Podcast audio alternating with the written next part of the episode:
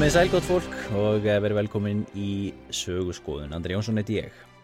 Ólafur Hersi Arnaldsson heiti ég Gaman að sjá þau Ólafur eftir svona langa byð. Þetta er búið að vera eh, talsvert lengi að koma hjá okkur núna þessi þáttur. Já, það er einmitt búið að vera mm, er að hluta að segja líka þessi tímamismunur sko Hann Já, hefur hend, hendar illa það hendar, hendar illa. Náttúrulega þú verandi í Noregi og ég á Íslandi og, og normenn að vesenast í klukkunni sinni. Já, en við vorum já, að breyta Já, eða Íslendingar ekki að vesenast í klukkunni, fann eftir hvernig maður lítur á það. Já. En þetta klukkumál er þetta mikið hittamál Er ekki sko, var ekki líka Evrópusambandi núna að Hvaða lög voru þeir að leggja til? Uh, Að hætta að hafa þetta sem sko mm, skildu að breyta klukkunni og leifa núna meðlum að þjóðunum að ákveða hvort þeir ætla að hafa vetar og sumatíma eða ekki. Þannig að það er líka einhver, einhver reyfingar þar. Já, já, þetta er náttúrulega svona málefni sem kemur alltaf upp aftur og aftur og var nú bara umræðin hérna fyrir ekki svo lengur síðan. Já, og örglega ekki í, í síðasta sinnildur. nei þetta er verið áhugavert fyrirbrið þetta með höfust klukkuna því að þetta náttúrulega var ekkert vandamál fyrir en að menn byrju að geta ferðast með lestum og ná aðeins meira hraða. Já, já, En fyrst þá sem að skipti málu, þú veist í hvað tímasónu þú ert og þannig. Já, já. Já, náttúrulega sem svona sögulegt fyrirbrigði þá, Nákvæmlega. Þá er þetta náttúrulega alveg ekta svona, já, svona verði mjög uh, stórt þema náttúrulega á gerfin þetta öld, Já. Gerfi nættu já, já. Sérstaklega núna. Ég var nefnd að lesa um það hérna um daginn að, að því við ætlum að tala eins um Japan í dag og, og Japan í setni heimstyrjöldin að, að þegar að að þegar að Hitler ákvað að lýsa stríði yfir á hérna, bandaríkjumannum eftir Pearl Harbor Já. 11. desember þá, þá hérna held, held hann ræðu í, í Rækstak þinginu sem hefur nú verið fræg ræða held ég og, og, og svo ræða var haldin klokkan þrjúum á eftirmiddegin sko. Það þótti kannski fyrir eitthvað óvenjulegu tími til þess að halda ræðu í, í hérna þinginu en, en þetta var gert til þess að bæði Japanir og bandaríkjumenn myndu ná að hlusta á hana sko. já, já. en ég hef nú reyndar ekki gert ég hef nú ekki reiknað út svo, svo sem hvort að hvað klukkan er, er í Japan og í bandaríkjunum eða sérst í Washington og Tokyo það- klukkan þrjú í Berlín en, en hérna þetta stóði ykkur í bók sem ég var að lesa já Jú, það er vel verið en það er náttúrulega kannski tengist auðvitað svolítið þessu sem við viljum að tala þetta er mjög, mjög gott intro hjá okkur Ólafur því að, því að sko uh, það sem að við erum að tala um tímabeltin og, og það sem er að gerast þarna er að, er að uh, fyrsta sinn þá er þetta stríð sem er búið að vera í gangi í Evrópu síðan, síðan þjóðverðar reyðist inn í, inn í Póland og í, í, í, Kína frá því að Kínverjar reyðist inn í nei, Japanur reyðist inn í Kína 37 eða 31 eftir hvernig maður lítur á það allt í eru þessi tvö stríð nú- núna búin að sauma þau saman í, í eitt bútasaumsteppi sem kallast setni heimstyrjöldin og setni heimstyrjöldin allt í norðin global já, og hún er farin að ná yfir allar heimsálfurnar og, og yfir öll tímabeltin. Einmitt. Það er mjög áhugavert, já. Já, því ég raun og veru verður stríði ekki almennilega glóbalt fyrir nefnir þetta þegar Japanir fara inn í það. Já því þá eru Japanir sko búin að já að, og bandaríkin Japan og Evrópa einhvern veginn þá ertu komið með öll sko. Já, það maður getur alveg litið á allir og með ímyndi sér að, að þetta stríði þess að innrás Þískaldin í Pólandi hefði endað þarna 1940 kannski. Já, Já, þá getur maður, þá var auðvitað að tala um þetta bara sem Evrópustríð. Já, já en það var, var það gert í, í samtíma heimildum uh, til dæmis í bara þegar ræ- verið að ræðum þetta málefni í blöðunum á Íslandi. Mm, 39-40 sko, þá er talað um Europastyrjöldin eða Já, það er ekki talað um setni heimstyrjöldin sko held Nei. ég. Svona að það segju kannski óþur að vera fullir það svona en, en hérna en mér, minni það nú að það sé yfirleitt tala um Europastyrjöldina bara eitthvað svo leið sko. Já Já, enda náttúrulega í raun og veru meikir það mest sens þarna framan af. Já já. Og þá náttúrulega litur menn á að þarna væru bara þessar tvær uh, þjóðir Evrópu eh, eða þrjár þjóðir er frakkar og breytar að, að berjast á banaspjótum og mönnum þótti Mm. það nú vera mjög miður. Já. Og síðan þetta hægt að rólega náttúrulega líka mm, uh, já, var mesti ótti breytað raun þegar að þau þurftur að berjast við allansafi á móti Þískalandi og síðan þegar Ítalja fór inn í stríð þannig að líka voru að berjast í miðrahafinu og svo náttúrulega þegar Japan kom inn í stríð voru að berjast í Asíu líka þannig að það fór allt í vaskin Ég hef nú örgulega sagt það við eitthvað tíman ég hlusta á viðtal við hann. Nei, þetta var sér satt bókin hans hérna uh, hans uh, Æ, hvað heitir hann hérna sem skrifa alla bækurnar hérna um setni heimstjöldina hann Anthony Bevor, nei, Já, já, Bívor, já. Bevor, já. Uh, það sem hann skrifaði bók sem hétt hétt Second World War, jú, ég held ég hann talaði um það hérna áður. Já. það sem hann var að segja frá því sko, að, hann segja frá því inganginum held ég eða formálanum eða á bókinni sko. Það sem var að segja sögu hérna Kórisks manns Já, sem, a, sem að er draftaður inn í japanska herin og, og er síðan tekinn til fanga af rússum í, í, í Galkin Kól 1939 já, og fer síðan ykkur að fangadeild og, og endar svo í endar svo sem strísfangi þjóðverja. Þess að ykkur svona fangadeild Ja. hjá rússum sko. Ja.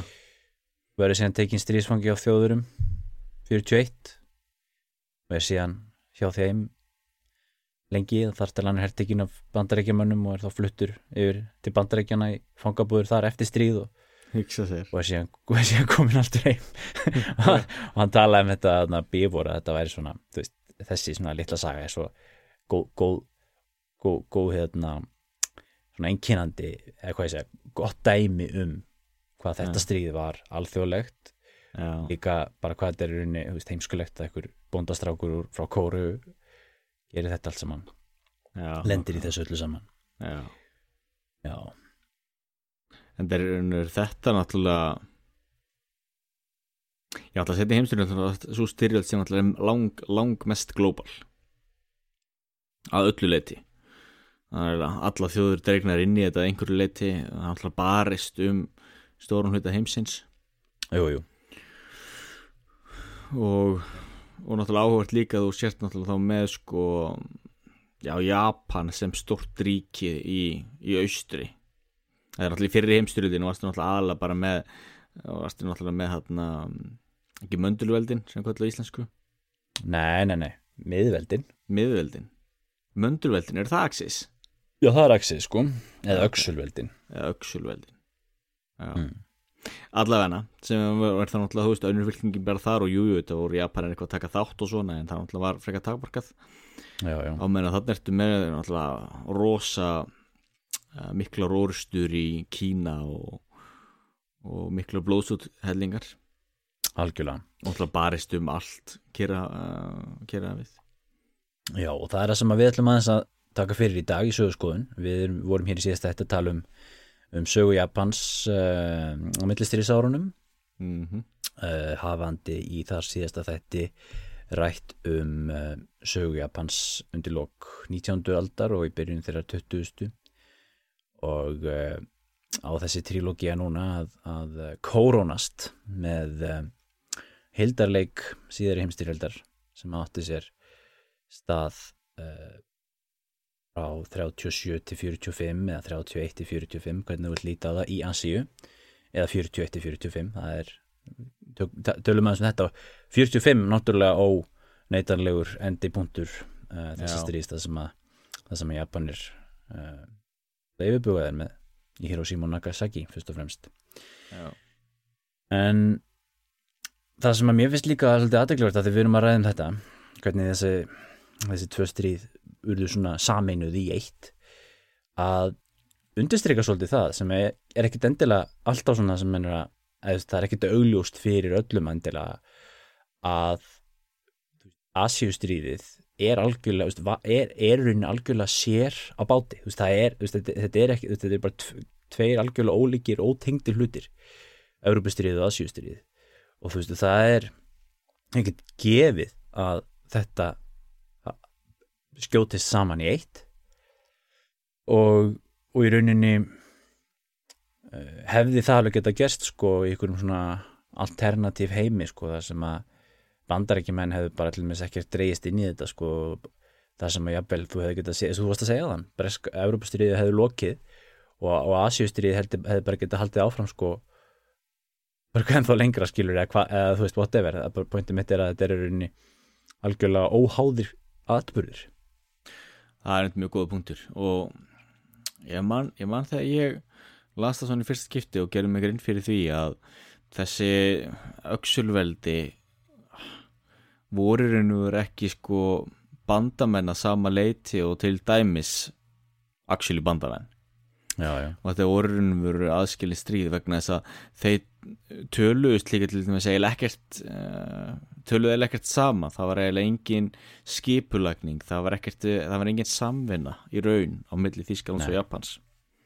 Nei. og meira segja að milli Þísklands og Ítalju var mjög lítil samvinna. Já, já. og það er líka svo áhugavert að þeir meira segja deildu ekki einu sinni sko uh, tekni og þekkingu eða neitt slíkt. Nei, til dæmis um, hvað hva var það að segja hvort það var ekki Japan sem vantaði um, betra tundurskeiti eða eitthvað slíkt. Þjóður eru að byggja yfir þekkingunni en deildu en ekki. Og Japanur höfðu eitthvað en sem var mikið betra en allir aðrir en ákveðu ekki að deila þekkingunni með Þísklandi á meðan að breytarleimist þegar sildu þeir ekki með allt sitt alla sína kjartorku þekkingu til bandarækjana og deildu með þeim og tóku fullan þátt í rannsóknar rannsóknar það, það er náttúrulega alveg náttúrulega algjörlega sko, þeir, þeir náttúrulega bara saminuðust sko líku við sko bandarækjumenn og breytar bara strax eftir Pearl Harbor sko þá, þá var haldinn hann að ráðstefna þar sem að Churchill og Roosevelt uh, lékur á þeim sínum og, og hérna baru saman bækur sínar. Og, uh, og þar var komið upp þessi hérna, joint command eða hvað þetta heitir. Já, það er alls ekkit sko, það, þú veist, að setja allmis herin þinn undir stjórn einhvers annars. Ég meina það er ekkit eitthvað gerir það ekkit að gamnið þínu? Nei, alls ekki en, gerir það en ekki. Breytar sáu þarna fyrir sér alveg alltaf sáu tölurnar hversu mikið hversu mikil framleiðsla bandarækjumenn voru, voru að leggja á borðið sko að, Já. og þessin í raun og veru getur maður alveg litið á einmitt eins og, eins og svo að segja sko, litið á Europastríð og Asíustríð sem tvö aðskilin stríð sem eigið það sameiginlegt að þau eru með jú sameiginlegan óvinn já, og já, því til dæmis eh, ef Japan hefði ráðist á Sovjetiríkin á sama tíma á Þískaland og tekið þátt í því og Sovjetiríkin hefði staðið frammeð fyrir hana, stríði á tveimur vikstöðum þá hefði haft alveg brjálaðslega áhrif. Algjörlega. Og meira segja þannig í setni heimstyrlildin að, að bandarækjumenn gáttu silt með fullt af hergögnum og búnaði til Sovjetiríkjana yfir Kirrahafið við nýf Lativastokku og áfram. Það var náttúrulega áður en uh, Japan reðst á Pearl Harbor. Já, já, og alveg stórmerkildurum verður sko hvað já, hvað auksilveldin unnu lítið saman. Já, en það er náttúrulega hluti af því af hverju þeir já. en svo líka þú veist, bara þú veist, öxulveldin eins og þú segir, þetta er ekkit eitthvað svona ef maður skoða líka bara hvað það er, þetta er rauninni bara veist, þetta, eru nokkri samningar sem eru undirritaðir, skilur, bara í orði og það meiri segja í þessum veist, þessum, þessum lagalegu milliríkja samningum sem, sem sko þrýveldis samningurinn er til dæmis þar þurfa þeir ekki að fylgja hverju öðrum í stríð þjóðverjar hafa ekki er ekki skuldbunni til þess að lýsa stríði yfir á, höndum, á hendur uh, bandaríkjanum hana, í desember 1941 Nei. þeir gera það að eigin frumkvæði Já. En síðan líka maður lítur sko aðeins á þessa framvindu, það er alltaf líka þess svolítið það sem við enduðum síðast. Það var þetta þegar að hernum í, í Japan, eða japanska hernum og, og flotanum jú líka tókst að ná eitthvað svona hræðatæki á pólitíkinni og stjórnmálumörunum og síðan náttúrulega það sem ge gerðist var jú að uh, þessi kvantung her náttúrulega lekir unnu veru lausum hala og, og það er náttúrulega það sem er það sem er náttúrulega erfitt með her alltaf. Og það er dæmis mjög einstakt uh, í hvað var það allir spandarska herin, hvað hann hefur verið uh, raun og veru lítinn þátt í pólitík og slíku. Að þeir náttúrulega hersöðingjarnir venjulega gegnum söguna hafa náttúrulega viljað stríð og eitthvað djöfulgang og action og eitthvað þannig. Vegna þess að þa- þetta er vinnan þín, þetta er lífið það er undirbúið fyrir hernað og það að hersöðingarnir vilja alltaf meir og meiri hergögn og stórun og blöðan her og þeir eru ekkert að hugsa um hvað það kostar eða neitt þannig. Nei, nei, Pólitíkusotnir er ofta að reyna að stoppa eitthvað og bremsa því þeir náttúrulega eru að hugsa um aðra hluti líka. Miklu leiti náttúrulega vera endurkjörnir. Þeir náttúrulega vera ekki endurkjörnir ef fólk er að svelta því að það er bara að vera að kaupa byssur. Já, já. Og það er náttúrulega áhuga er, er stórmerkilegt að þetta tekst hernum að ná rosalögum tökum á samfélaginu og pólitíkinni og síðan þá að keira í gegn meiri hernaðavæðingu og útþenslu já. og síðan svona hægt og rúlega dragast þér inn í þetta stríð við Kína sem í raun og veru er stórmerkjalt eins og leiti vegna þess að sko Kína á þessum tíma hvað ætli margir hafi hvað eru margir, voru Kína margir þetta 400 miljonir ekki hugmynd, allavega mjög margir. Skjót, ef skjóta okkur þannig og ef Japan var hvað var að segja, 50 kannski? 60 eru 130 í dag? Já, þannig að sko gefur auga leið að Japan eitt og sér meira sem hafði ekki burði til þess að leggja út allt Kína. Já, já. En samt einhvern veginn halda þær áfram sko, hjakkast í þessum gömlu hjólfurum og endarist að berjast í kynverðina og þú veist, jú, þeir lagði undir sér tölvört svæði hægt og rólega en mm. þetta varði í raun og veru algjör sko eitthvað sko mýri eða já, hálfgjört Vietnam sem sátt bara fastir í fórunni þetta var, þetta var þeirra Afganistan. Já, þeirra En- Afganistan. en ef við svona aðeins fyrir hlustendur og okkur sjálfar, rifjum aðeins upp þessa sögu hérna, hvað við, við sagt uh, skildum við Japanina hérna í síðasta þætti við Marco Polo atvikið Já. og kannski aðeins að við við kannski ekki að fara í eitthvað details hérna en, en sko, basically það sem gerist þarna er að Marco Polo, eða, heitir ekki Marco Polo, heitir hérna Marco Polo brúin sko. þannig að það er það aðtök þar sem að hleypir af stokkunum veist, bara algjöru stríði. Og þá gera Japanir algjöra bara svona innrás inn, í landið og þeir sækja fram á greiðalegum hraða. Og kannski má líka þessu dálítið við kannski fyrri heimstyrjöldina þetta er svona verðt með svona f- f- fyrri hluti stríðsins 37-38 þá er svona, þú veist, algjört breakthrough. Japanski herinn runni keirir í gegn, leggur undir sér stóran hluta af austuströndinni uh, margar borgir Shanghai, Peking uh, Nanking. Mm. en, má, en svona í gróðum dráttum kannski eftir 38 uh, að þá festist þetta svolítið svona í í, í spórunum sko. Kannski svolítið eins og við sjáum í fyrir heimstyrjöldinu í Evrópu svona, þú veist, þjóður er að ráðast inn í Frakland og, og svo bara svona stoppar það svolítið og er svolítið stopp í mörg ár sko.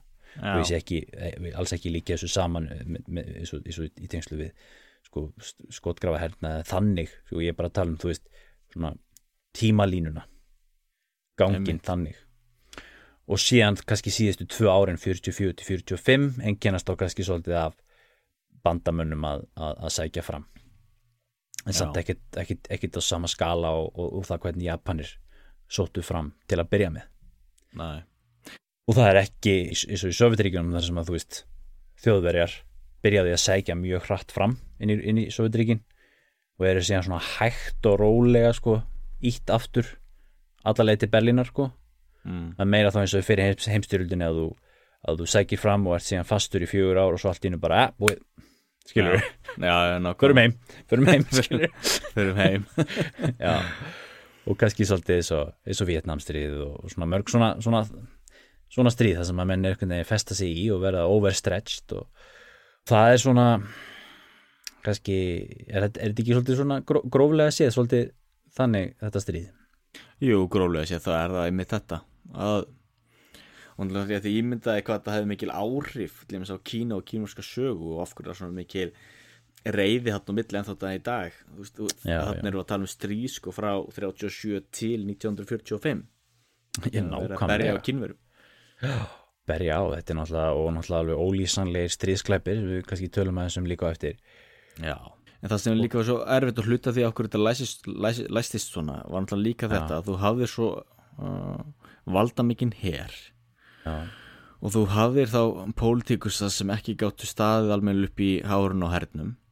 Mhm. og síðan líka sko herin vild alltaf meira en Kína náttúrulega Kína stjórnum náttúrulega gátt ekki sætt sig við eitthvað fríðarsamminga sem stórum hluta Kína var, var kannski eh, já uh, rifið frá Kína og stopnuð ykkur sko, ykkur nýtt ríki eða þá hreinlega innlimað af Japunum já, já, þannig að það er náttúrulega stór hluta þess af hverju það var ekki hægt að semja frið vegna þess að já, vegna þess að Japan er náttúrulega kröfðust svo rosalega mikils.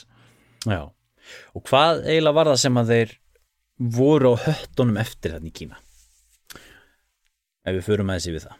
Sko þeir þeir ætluðu sér ekki að stopna þarna einhverja nýlendu eins og, eins og þeir ætluðu sér að gera í Rúslandi Nei. heldur ætluðu þeir sér rauninni þeir voru á eftir e, hráefnum.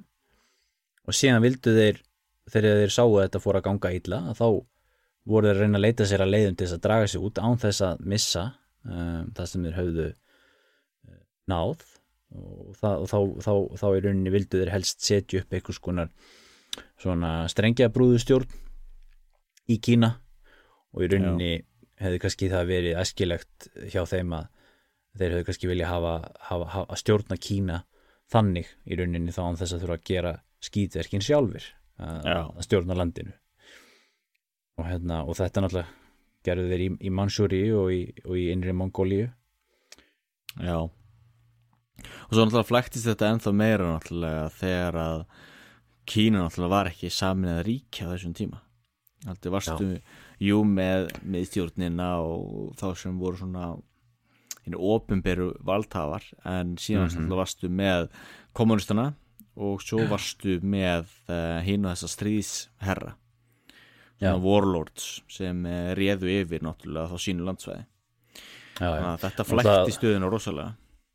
Já, og Kína náttúrulega, þú veist, þeir kínverjarnir er svo rosalega hérna, eh, mikið að berjast innbyrðis og þeir náttúrulega mis, eins og, eins og Chiang Kai-shek sem fór fyrir liðveldishernum hann til dæmis tala alltaf um það þú veist, til að byrja með að, að, að, að sko og sem var kannski ástæðin fyrir því að hann brást ekki við þegar Japani löð, löðundi sem mannsjúri var að þú veist að það, hann ætl- leit svo á að hann væri fyrst og fremst í stríði við Mao. Já, og, og, og hérna kommunistana og þú veist, Japaninni mega bara fá mannsjónur við dílum við þá setna já. og svona viðhorf höfðu þeir mjög lengi framan á ekki hvort þeir náðu eitthvað tíman að saminast almennilega gegn Japanum Nei, nákvæmlega, það var það var, það var endalusar deilur og, og meira að segja bardaðar Já, það náttúrulega gerir, gerir tímabil, þetta tímabil náttúrulega ennþá sko uh, mikilvægara og svona formatíft fyrir eh, Kína. Er hann náttúrulega Já. kínverska borgarastríðir lauk síðan náttúrulega ekkert 45 það var náttúrulega helt Nei, á nei. til 49 já, þannig að Það, og að nefna það náttúrulega bara sýnir sko hvað þetta var rosalega mikil átök að þú ert á með styrjöldi í Kína frá 1937 til 1949 já, þar sem að Japanarnir jú voru mikilvæg hluti að því en voru ekkert, alls ekkert sko eini anstæðingurinn það voru, Já, voru allir á móti öllum Þetta er líka svo aðtegluvert líka, en maður sér líka hvað gerist eftir á sko, að, að, að þú lítur á sko eins og, sko Kína, Kóreu og uh, frönsku Indokína sem í dag er Vietnam, Laos, Kambodja. Mm. uh, þar sem að sko öll þessi lönd uh, voru hernuminn af Japanum á einn eða annan hátt. Uh, og svo eigða þöll þessi lönd í rauninni eftirstríðsárunum í borgarstyrjaldir rautt versus blátt. Og, og, og það sjáum við í Vietnam um, sem enda svo náttúrulega ekki fyrir 1970 og hvað, fjögur þegar bandarækjumenn fara úr Vietnam og náttúrulega bandarækjumenn hefði ekki farið í Vietnam þá, þá hefði það gert það. Og, eins með, með Kóru, náttúrulega ef bandarækjumenn hefði ekki skipt sér af þar þá hefði vantilega Norður Kórea verið öll Kórea og, og það náttúrulega gerist svo í Kína, það náttúrulega rauða Kína varð allt Kína nema Dævan svolítið aðtilvært og serður henni þess að sömu. Og líka það sem að gerist kannski líka að ég, kannski, nú, ég ætla kannski ekki að fullur um það en nú engin svona expert í þessu en, er ekki rétt hjá mér að í rauninni söðrið í öllum þessum tilvikum bæði Suður Kórea, Tævan og Suður Vietnam fyrst, á fyrstu ár, árunum áratugunum, voru hálgerð einræðisríki. Jú, stutt af, af bandaríkjumönnum sem síðan þetta síðar meir átt eftir að breytast. Já, það er alveg rétt að þau, þau voru það og síðan líka því að þetta með borgarstyrjöld það er ekki bara þessi ríki því að það meira sé að líka mm, eða meira uppreist og nýlendustrið náttúrulega síðan í Malasíu á móti Brettum og í Indonésiu á móti Hollendingum. Já, þannig að það er náttúrulega líka sko hluti af arfleið Japans var náttúrulega að jú, þeir náttúrulega flýta fyrir fallin nýlendustefnunar í Asju sem er svolítið kallanslegt því að þeir sjálfur voru að vinna því að stopna sitt eigið nýlenduveldi. Algjörlega. En þeir- en, þeir, en þannig ertu samt líka komin svolítið inn á ideológina hjá Japunum og allavega eins og við sett hana fram í orði, þú kannski Já. hafi ekki gert það í borði. Það var þessi asjuismi já, pan-asjuismin og þeir litu á sig sem frelsara uh, hins gula kynstofns eins og talað var um á þeim tíma. Já, og þeir, þú veist og þeir, og, og, og þeir þóttust koma sem, sem frelsarar til Filipsea og Indokína og jafnvel Kóru á sinni tíma sko frá, frá og var Kínverjum, sko. fagnað í raun af sem frelsarum af mörgum og hafðu feiki áhrif á stjórnmálumenn, Gandhi og, og hinn og þessa veist, til, að, til að byrja með að því náttúrulega síðan auðvitað það sem gerist en þetta er eins með Þískaland Þíska hernum var fagnað í stórun hluta Söðuríkjana þegar þeir sóttu fram Einmitt. En síðan náttúrulega runna á menn tvær grímur þegar þeir sáu actually hvað þjóður þetta voru að gera. Og það var saman með Japan. Já, einmitt. Og, og síðan náttúrulega verður maður líka að hugsa um það að náttúrulega það er hernaður það er takmarkað, takmarkað hvaða upplýsingar berast. Eh, það er alltaf líka áróður þannig að það er líka spurning sko, hvað er satt og hvað er lígi já, þannig þannig að þegar að, til dæmis við vitum í dag nokkurn veginn hvað gerðist í Nanking það er búið að rannsaka það alveg heilmikið það hefur verið farið í saumana á þessu fjöldamorði og, og það er skráð náttúrulega þessi glæpir Japana. En einmitt á þeim tíma sem þetta gerðist mm. það náttúrulega var ekkert öll þessi þekking til staðar. Og náttúrulega Japan er á fullu að reyna að fela þetta eins og þau gáttu já, já þeir að gera það sko. En það er einmitt uh, gott að nefni þetta því að þetta gerist mjög snemma í stríðinu við Kína um, þetta er 37 í rauninni, það, það er ótrúlegt hvað hva gerist mikið 37 Já, fljótlega eftir atvikiði Marco Polo brúna að Japani sækja fram á miklum hraða og, og, og, og hertaka Shanghai bara strax um haustið. Og um, þetta atvikast þannig var það ekki að, að herin frá sem var að verja Shanghai að hann hörvar til Nanking sem þá var höfuborg Kína. Mm. Og uh, ríkistjórnin flýr frá, frá, frá Nanking og þetta verður einhvern algjörst kaos. Og þegar þú eru Japani koma aðna að þá er bara aðra grúi af, af uppgjafa hermönum eða hermönum sem er að gefast upp Já. og borgurum. Og þá verður þetta svakalega þessi svakalega fjöldamorðið fjöldamorð já. Það sem að og, og, og mjög ógislega hlutir sem að eru gerðir þar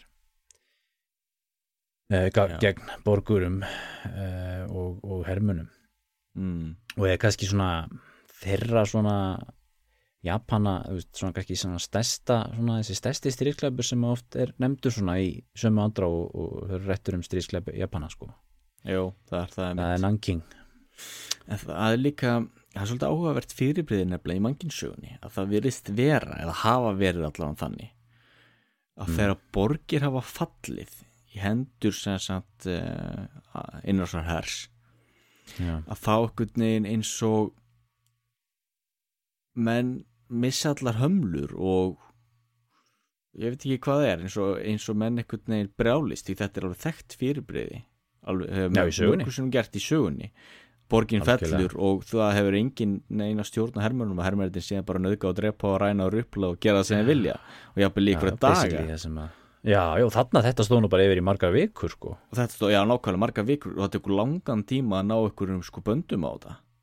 Já, En það gerir þetta í raun og veru ennþá óhugnulegra að það sé sko, eða, jú, er það ekki eins og leiti að það sé ekki skipulagt, því það sýnur þetta, þá er þetta eitthvað í sko mannseðlunu eða þá eitthvað þá í japanskri menningu, eða það spurning. Já, það er mjög góð þetta, sko, líka það sem gerir þetta sérstaklega svona medieval er það sko að, að Kína, Kína var ennþá með svona borgarmúra á þessum Já. tíma. Þannig að þú veist þetta voru svona veist þetta voru svona, svona gamaldags borgarmúrar sem, sem þið ko- re- réðust í gegnum og, og síðan hófst eitthvað svona sakking Já, bara svona sem, maður sér í gömlu sögunum sko. En já, veistu það, þetta er mjög góð punktur og, og þarna ofta á menn veltvengum yfir, yfir því hvað þú veist, af hverju um, þessi kannski annars fyrir sama þjóð Japan, hvernig þeir gátu farið svona fram og það er náttúrulega fle- fleiri dæmi en þetta, þú veist, með, þú með þetta er bara svona þessi, þetta stóra skilur, þetta er svona þeirra Mm. ásvits einhvern veginn sko, já, þú veist, þú ert líka með bara ótal önnur dæmi í, frá Kína og, og þú ert líka með sko e, mjög slæma meðferð á stríðsfengum sem að, að Japanu voru þekkti fyrir og sem að sérst vestrænir eh, hermenn, bretar og hollendingar, ala bretar og bandaríkjumenn eh, og ástralar, eh, lendu í eh, að vera herteknir af Japanum og upplifa bara eitthvað svona meðferð sem að sko já, bara þú veist menn í þessum löndum voru ekki vanir að upplifa í stríði. Nei. Og meðferð. Og þú, maður getur séð myndir af sko ljósmyndir af sko svona hermönum sko bandarískum og áströlskum og breskum hermönum sem eru bara svo beinagrindunar í Ásvits þegar þeir voru frelsaðir 45 Já, það er ótrúlega fyrir ekki orðbræði sko en, en það er bara þannig sem að þeir líti út að þeir já. voru, hung, að þeir voru sveltir. Já, og þarna og ég held að líka og það er líka það sko það sem er svolítið öðruvísi þannig og, og allt öðruvísi heldur en f- í, í Evrópustyrjöldin er að er að sko Japanar voru ekkert að gera neitt greinarmun á litarhættið sko. Þeir voru alveg miklir hrottar gagvart bandarækjumönnum eins og gagvart kynverjum eða kórumönnum sko. Já, og það er öðruvísi í, í Evrópustyrjöldinu þar sem þú, þú hafði sko um, þjóðverjar voru náttúrulega frömdu náttúrulega gríðarlega stríðsklæpa austuvistu á meðan þeir svona reyndu að he hald, hegða sér svona frekar normal innan geðsalappa mm, gagvart uh, vesturveldunum eins og við Já. þekkjum. Já, já, þó svo að það hefur verið auðvitað dæmi um uh, að stríðsfangar voru, voru myrtir og eitthvað svoleiðis þá er það náttúrulega bara frekar sko, eh, er það ekki frekar sko undatekningin heldur en reglan sko? Jú, eh, á vestu vistuðanum og, og, og, og, það er algjörlega verið að gera greinamun og þá er það og, þá, er, þá er í rauninni sko hugmyndin það er náttúrulega bara rasísk sko, eða þú veist, rasismin sem er í eða hatrið skilur sem er í nasismannum gagvart gyðingum og slöfum sem, sem er ástæðin fyrir því. Já, já, Eh, á meðan sko þarna hjá Japanum sko það sem að er verið að fara að illa með fanga algjörlega óháð litarætti um, það er ekki rasismi heldur er það eitthvað annað? Já, bretti í hatri. Fyrir í hatri já. ég, ég heyrði þá kenningu að sko það var alltaf þetta var margar ástæði fyrir því að þetta ætti sér stað en, en ein kenningin er, er svo að sko e, og, og, margir hafa sagt þetta bæði Japanir og bandaríkjumenn sem hafa hitt sko, sem, sem, sem voru að minnast þess að hafa verið teknið til fanga að, þú veist, að það sjá hvern menningarmunur þarna Já, kannski getur útskýrt þetta að, að veginn í Evrópu hafi mótast sko svona hernaðar hefð síðastliðin þú veist 2, 3, 400 ára eitthvað. Já, þar sem að sko þar sem að mót, mótast einhvern veginn svona virðing gagvart óvinnunum eitthvað svona, svona gentleman's hvernig þú fer með fanga óvinnarins og, og þetta sko. Já, sem að síðan er hefð sem að er færð bók, færð til bókar í genfarsáttmálanum. Hvenær var hann? 1904 eða eitthvað?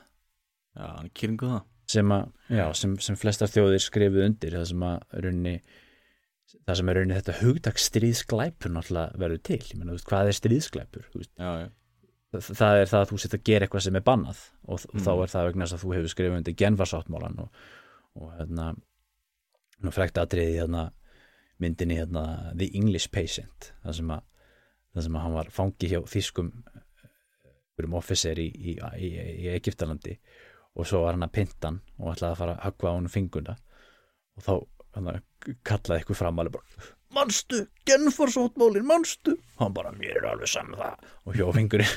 En, en það er hún að það, það var genforsótmólin en Japanar hefði ekki skrifað undir genforsótmólin Nei.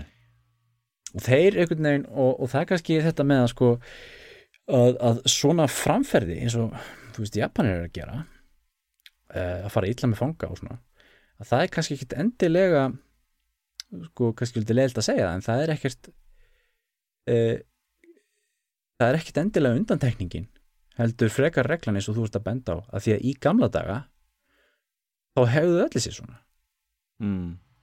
þú veist, á Já. miðöldum sko, veistu það, ég var að lesa hérna í bókinni hérna, uh, hérna bókinni hérna Saga mannsins sem að kom út hérna fyrir tíu árum síðan eða eitthvað sem að sem nú þýtt, sem er bara svona yfirlitsrit um mannkisöguna, kom Já. út hérna 2008-2009, Ítli Jökulsson var, var ritstjóri íslensku þýðingarinnar bara svona, bara svona þægilegt yfirlitsrit yfir sögumannkins Mhm. og ég var eitthvað að gluggi þetta og, og, og þar er hérna, þú veist kaplinn fyrir 20. stöldina Mm uh, ingangurinn af þeim kabla þar, þar segir eitthvað svona á borðið sko 20. öldin var svo öld þar sem uh, ofbeldi var uh, og, og, og, og, og skeppnuskapur kom fram á áður óþektum uh, skala eða eitthvað líka ja.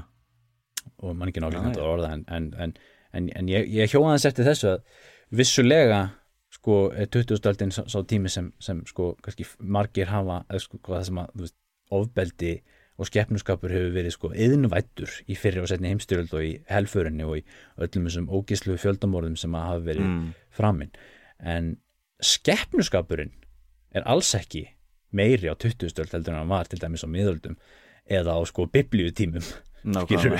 Já, þú veist, þú sér hérna Assyriumenn og, og þú sér hérna þessa, hvað er heita allir skilur, hittítar og þessar ford Já, þjóðir það sem er bara, já. þú veist, ógeðslega lýsingar mm. og eins bara á miðöldum skilur, ég meina við förum með okkur svona tortjúrsöfn sko það sem er verið að sína ykkur svona ykkur, ykkur svona pyntingartól frá miðöldum og þú veist, þetta er bara ógeð skilur eitthvað Já. sem við okkur dettur ekki í hug í dag Nei, en þannig að það er kannski svolítið þannig að sem pointið mitt er kannski að kannski er þetta bara, þú veist, eins og menn voru að hafa alltaf verið að hengða sér, svo kannski hefur myndast einhvers konar svona gentleman's agreement í Evrópum Mm. það hvernig þú ætti að haga þér í stríði. Sem að, sem að bandarækjumann og breytar og hollendingar mæta Japunum þarna sem að veginn ekki er þessi sami skilningur á þessu já. Mjög áhugaverið punktur. Já, og líka þetta með það eins og bandarækjumenn voru svo sjokkaraðir yfir kamikaze til dæmis Mm. Já, bara þú veist, og, fyrir okkur hérna Íslendingum, hérna, okkur finnst það bara klikkað, bara bilað skilur að Já. drepa sig fyrir keisaran eða eitthvað svona. já, já. Á samaskapið sko, þá, þá hefur, hefur maður hýrt að Japunum fannst að vera mörgum Japunum, kannski ekki döllum fannst það að vera bara bilun að bara gefast upp skiluru og, og fannst það að vera, veist að það sé svona menningarlegu munur um hlumist að, þú að, að, að, að, uppgjöfin til dæmis er að það sé mjög mikið lítið niður á það sko. já. Og hluti þá af grimdinu af hverju þeir fóru svona illa með uppgjafa Já. hermenn.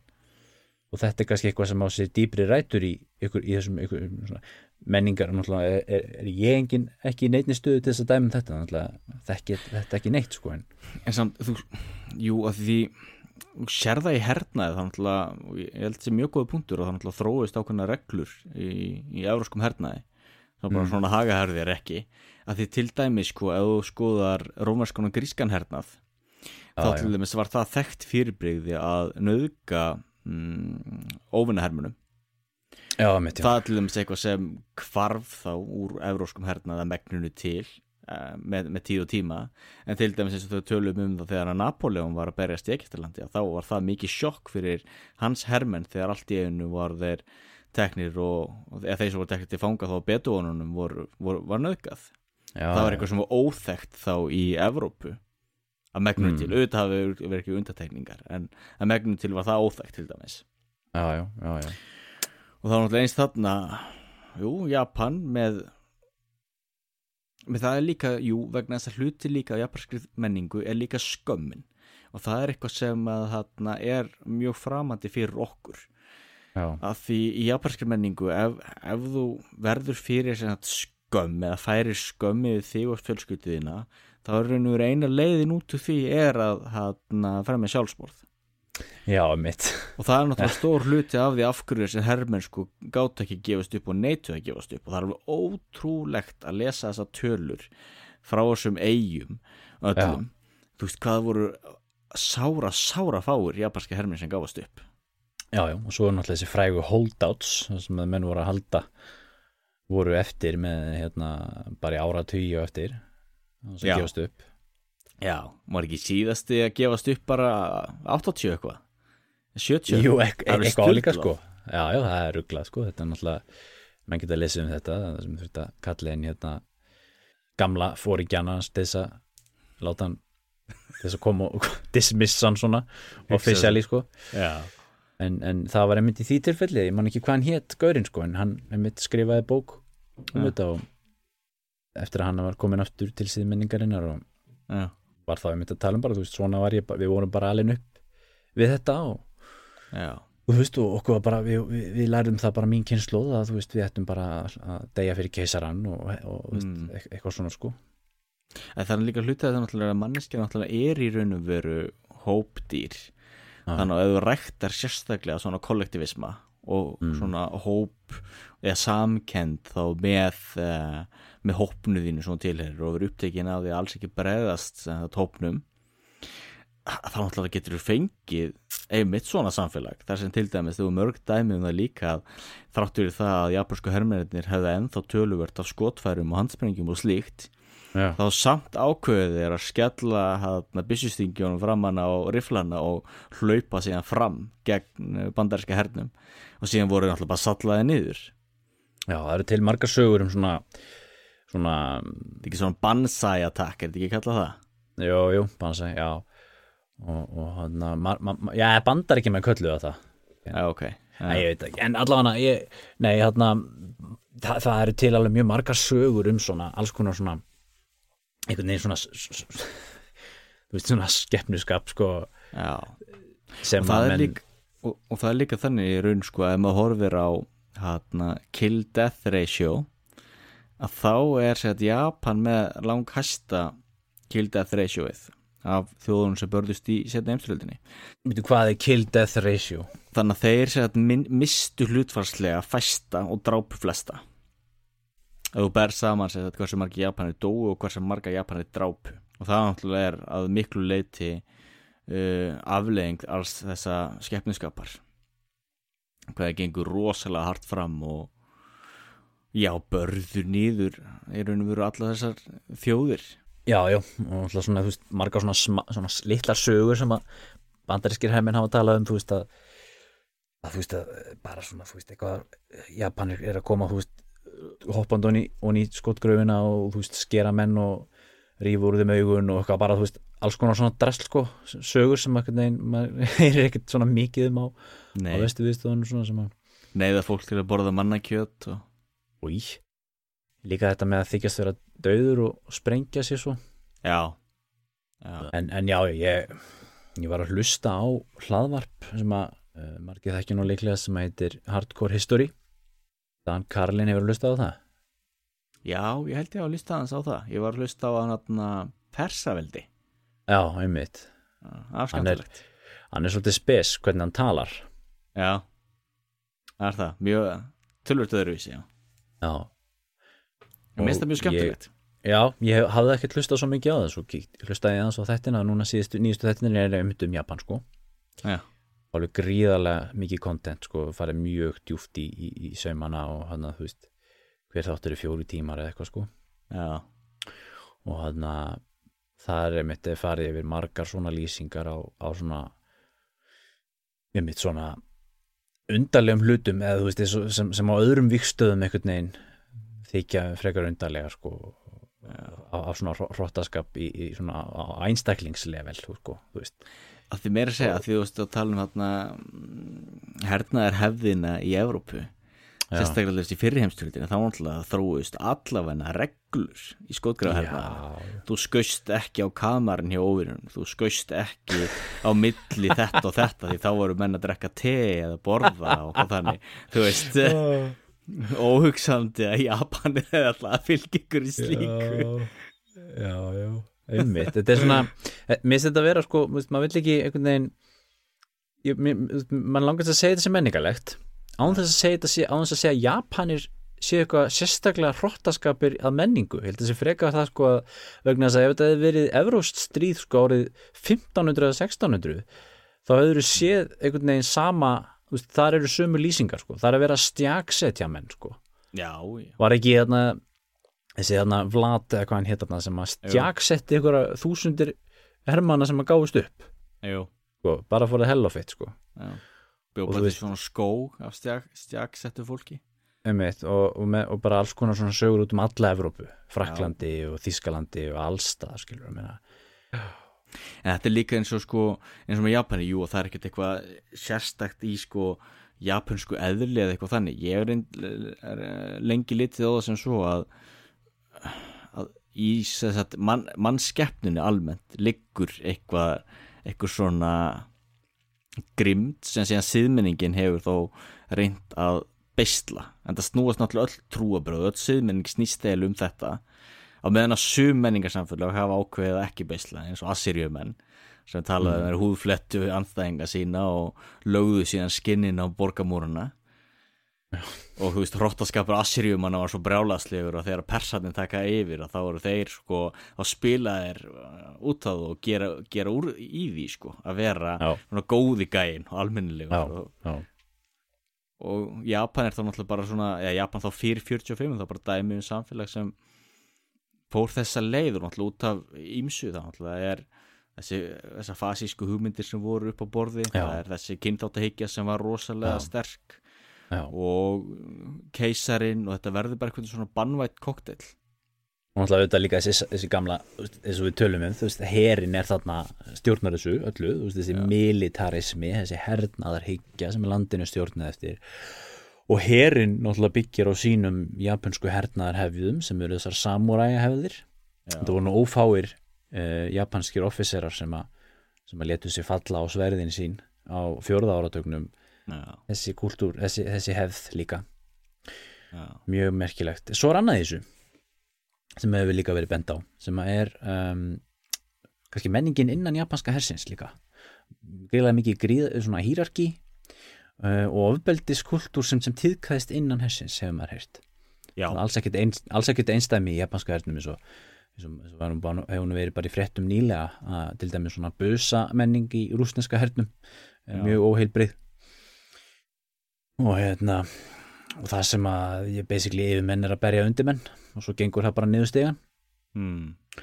og menn hafa talað um það að, að, að, veist, að þegar er, þú ert komið niður á, á, á þann sem er legstur í rauðinni sko, þá hefur hann engan annan að berja sko, nema, nema fangana eða, eða, eða óbreyta burgara og svo hafa, menn, svo hafa menn líka séð í þessu ákveðu svona um, þú veist, japanskir hermenn voru ekstra vondir við sko kóriska hermenn eða, eða hermenn frá ta, uh, Formosa. Tævan Já, Já Tævan og bandarískir og ástralskir herminn sem hafa verið fangar þeir hafa, hafa borið vittni um það til dæmis að, að fangaverðinir og attitúti þeirra breyttist mikið til dæmis þegar kóriskir kom, fangaverðir koma því. Þeir voru miklu meira brútal heldur en japanskir einfallega vegna þess að þeir voru þá Já. þá voru þeir sjálfur beittir ofbeldi og niðurlegir af hinnum japanunum sko. Menn hafa talað um þetta. Já Já, ég líka lesa það einmitt, jú, að, að ofbeldiskultúrin í japanska hernum hafa verið það slæmur að, að, að í kringum eh, kringum 40 41, 42 kannski, jafnvel svo sent uh, gripu þá æðstu uh, uh, herfröningar inni og reyndu einhvern veginn að bæta þetta því ofbeldið var orðið slíkt að það var að fara að bitna á móralnum. Já. Þá er hann orðið askoti slemt sko ef, ef hermirinnir eru það nýðu brotnir að þeir berjast ekki lengur almennilega vegna þess að það er svo mikið verið að lemja þá af þá mm, fóringi sín sem eiga nú að vera að leiða þá. Já, já. og þetta er þetta bitna náttúrulega á á þá eins og þú nefndir óbreyttu burgurum það menn þurfa þá að fá útrás fyrir þetta. Það er líka merkilt að með, með mannskeppnuna sko að, að þegar, þegar eitthvað nýðist á þér þá verðist það vera mjög náttúrult að nýðast á okkur um öðrum í staðin Já, já, því miður. Í staða fyrir að þarna já, ég myndi ekki gera það og, og reyna þá að brjóta vítarengin Þetta er náttúrulega oft mikið, mikið margir persónleik, persónleikar har- harmleikar sem, að, sem Já. að hafa komið þarna við. En en já, ef við við, við, við, þurfum, að, við þurfum að tala um fleiri, fleiri liðar þessu stríð þetta er bara stríðsklæpana við við þurfum aðeins að fara yfir hérna hvað var það sem gerðist svo uh, í narratífunni hérna eftir að um, Japanir voru komin inn í Kína. Bandaríkjamenn voru mjög ósáttu við þetta. Mjög svo. Og, og þeir gaggrindu þetta mikið og það náttúrulega var til þess eins og við þekkjum að, að, að, bandarík, dróðst inn í strí- strí- stríðið þannig með Pearl Harbor uh, 7. desember 1941 þegar Japanir gerðu alls herjar skyndi árás á Kyrrafsflótan já, hvað mörgum hefur nú fundist það að vera mjög skrítin ákvörðun margir hafa talað um þetta sem eitt stærsta einn stærstu svona strategísku mistök sem, sem, sem, sem hafa átt sér stað í síðri tímum. Það er hann að tala um þetta sem algjöra snild. Já, og það er alveg ljóst að, að þessi atbyrður náttúrulega passar alveg einhvern veginn svo vel inn í sögu skoðun bandaríkjana á, á því hvernig þeir mér finnst náttúrulega þegar ég hugsa um bandaríkin sko, þeir er alltaf seguruðu stríði og kom út úr setni heimstildinni sem svona seguvegari sko. Mm, og salega er þeirra saga svo þægilega einhvern veginn. Þú spáir í því. Já, já, og ég ætla mér ekki núna að fullera eitthvað um að koma með einhver samsæri um að það sé koma með einhver svona endurskoðunar hyggju á það, ég er ekki að því en, en, en stundum finnst mér saga bandaríkjana og hvernig þeir komist inn í stríði það, það, hún, hún er svo góð og líka við of góð til að vera sönn. Það er svona eins og, þú veist, eins og eins og einhver svona hvernig, þú veist, Kim Jong ill fættist eða eitthvað, þú veist, þetta er svona já, þetta er hljómar eins og lega saga skilur Já. Þeir voru bara, vildi ekki fara í stríði svo, svo kom allt inn í Japanir og bara ráðast á það bara algjörlega upp úr þurru og algjörlega stingaði í bakið. Já. og svo í þokkabótt og lýsa þjóður er stríði á endum þeim, þeim þannig að nokkur döðu sinna já, þannig að þetta, þetta er svona þessi sögurskoðun sem við höfum um, um, um, um, um, um það hvernig bandarækjum er komin í stríði, hún er mjög heppileg fyrir þá. Hún er það. En ég held nú ekki að, að það hafi verið mikið svona, ekki mikil endurskoðun á þeirri sögurskoðun þó svo Nei. að það þekkist nú. Það sem með dettur aðalegi hugur jú, að menn hafa náttúrulega bent á hversu mikið bandarækja mennir í raun og veru tóku þátt í stríðinu fyrir Pearl Harbor. Já, til dæmis það bandarisk skip voru að verja breskar hérna uh, breskar skipalestir á Norður-Allandsafi tölvert fyrir þetta. Já, já, það var eiginlega orðið já, og gefa hann fullt af búnaði og taka yfir hérna Íslandlum og Grænland og, já, já, og svo náttúrulega líka náttúrulega í Asíu, náttúrulega stór hluti að af hverju Japan réðst á bandaríkin náttúrulega ja, bandaríkin náttúrulega áttu Philips Air. Mm, og bandaríkin settu náttúrulega síðan verslunabann á Japan. Já. og Japan var alveg háð bandaríkjónum um ólíu og jár þetta er mjög góð punktur og, og hann að þess að útskýra það hvernig þeir tóku þessa ákvörðun að, að þetta er svona hálf, hálfgert svona desperasjón þetta var þessi Yamamoto hérna það ekki? Jú. sem að var, þú veist, einhver svona algjör gambler, hann var, hann var, hann var einhver svona officer í, í fl- sjóhernum sem að er svona heilin á bakvið Pearl Harbor aðgerðina.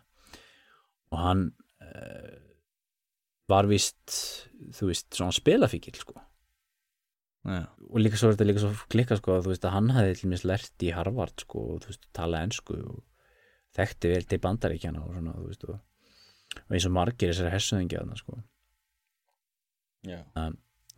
og og hann hafði stúdera það ég meina, og við, við höfum rætt það ég meina, þú veist, á millistýrsárun þá, þá voru, voru Japan alltaf að spá í hvort þeir ætti að fara í hvort þeir myndi fara eh, spurningin með norður og söður sko, hvort þú færi norður inn í Rússland eða hvort þú færi söður gegn uh, nýlendunum og, og, og, og, út, út á gera hafi gegn bandaríkjónum en en hann var, var hérna hugmyndafræðingur nei, hvað ég segja, heilina bak við það að gera svona eina áraskegg bandaríkjum því hann sagði sko, við getum aldrei unni bandaríkin.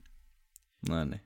Uh, veist, eina leiðin til þess að eiga sjens er að uh, gera þetta sérst, lama kyrraðsflotan í einni árás. Og hvað var átti svo ekki að hertaka Filip segjar og, og Guam og mikið af þessum eigum og reyna að byggja þá eitthvað svona múr þá? Já, og, og reyna svona þú veist, einhvern veginn þá að vonast þess að það myndi já, bandarækjumenn myndi síðan, þú veist, gefast upp. Já, eða þú veist, draga sig út úr styrjöldinu þá kannski fyrir milligöngu rússa eða þú veist, eitthvað svona rögl í rauninni er þetta alveg galin hugmynd, er það ekki? þetta er alveg galin hugmynd. Þú veist, aðeins stráka mínir við erum búin að missa hérna Guam og þessar eigur skipta eiginlega engum máli fyrir yðinnað okkar eða, eða fyrir þjóðunar eða fyrir þjóðuna já, ég hef ekki bara segja að þetta sé gott. Það er óhugsandi að það er gert þetta er náttúrulega alveg fáralegt sko. og, og svo og svo ef satt reynist þá var það vist seg, ber heimildum saman um það að uh, þessi Yamamoto sko, hann, öllum fannst þetta að vera heimskulu hugmynd Já, og það með þess að hann ávist hafa sagt að ef þið myndi fara út í þetta þá getur þeir leikið lausum hala í sex mánu og svo verður það búið. Já, og hann sagði líka, talandu um það að vera gambler sko, að hann sagði sko, ef þetta tekst ekki þá, þá verður þau bara að gefast upp. Já. Sko, ef þetta mistekst, þá er þetta bara búið Já, það og, og, og hann sagði líka og hann alltaf hótaði að hætta sem kannski er svolítið testament líka fyrir það hvað hann var, veist, hann var náttúrulega svona stríðsetja skilur, hann hefði verið í hérna, rúsneska japanska stríðinu og hann var, mm. veist, var, var, var mjög mikil smetin í, í Japan og þú veist og hann er rauninni hótar að sko ef þið gerir ekki, ef þið farið ekki þess að Pearl Harbor að, að gerð, þá hætti ég bara. Já. Þá bara ok, ok, við, við gerum eins og segir Yamamoto. Ekki, ekki, ekki hætta þannig að sko hefur ekki lesið þetta líka er þetta ekki rétt hjá mér Jú, ég held þessi rétt sér og síðan alltaf líka þessu hluta klúðurinn alltaf þeir náðu ekki flugmórskipunum sem var nú aðalskipin sem þurfti að ná mm. og svo eðilöðu þeir ekki heldur um, var ekki oljubyrðirnar og og hann slippina, er það? fleirtölu, slippur, Nei, er það, ekki? ég, ég, ég þekki ekki smáatriðin í þessu sko. En Þannig sko verið. infrastruktúrin var þá til staða til þess að laga Já. eitthvað að skipunum sem hægt var að bjarga. Já, já, já, já En þú sér það líka til þess að Japan hafði ekki burði til þess að eins og leggja undir sig Hawaii. Og Japan hafði enga burði til þess að ráðast á sjálf bandarækin þeir gátt ekki að ráðast á Kaliforníu eða Washington fylki eða eitthvað slíkt. Þannig að það sýni hvað þetta var mikið styrlun á meðan að bandarækin hefði fulla burði til þess að kalla út sitt lið og, og síðan ráðast á Japan. Já, þetta er alltaf einstæmi í raun og veru í mannkjössugun eins og ég hef sagt áður að veikt ríki hafa ráðast á jafn stert já, já. og í raun og veru gildir það sama um Þískaland því Þískaland það heldur enga burði til að ráðast á bandaríkin. Nei, það er líka hefur alltaf fundist mér mjög skrítið.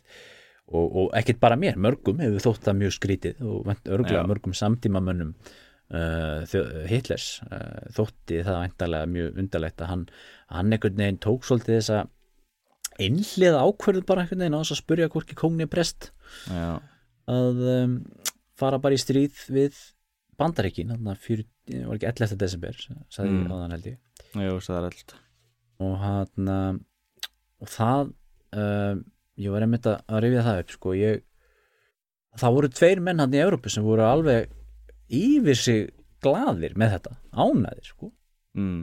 skáluðu örgli kampavinn ennan dag það var, það var Hitler og Churchill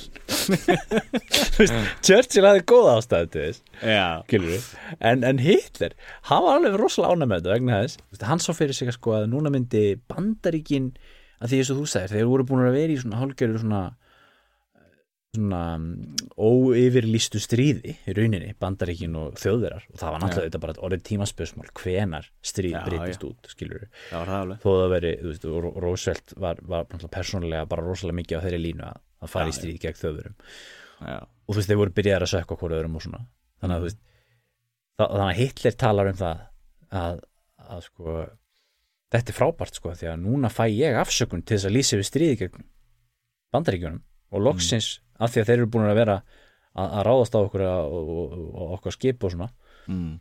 og, og hérna og svo náttúrulega það líka það að þá kannski létt dæma eftir á það náttúrulega og finnast þetta að vera algjört glapræði að vitandi hvað, hvaða monster bandar ekki náttúrulega eftir að breyta stíðana nákvæmlega já. en, en náttúrulega þessum tíma þá, þá, þá litu þjóðverða svo á að heyrðu, þetta er frábært því núna eru, eru, eru, eru bandaríkjumenn bundnir niður í Kirrahafi Mm.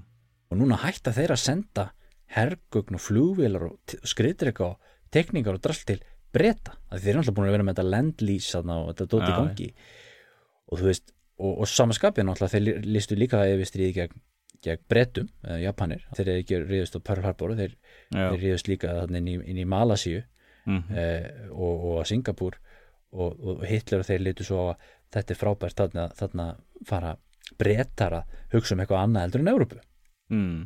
eins og við vorum að tala mynd í byrjuninu þá er stríðið orðið glóbalt og það er ekkert orðið glóbalt fyrir þjóðverð endilega það er orðið glóbalt fyrir bandam, bandamenn sko. já, já.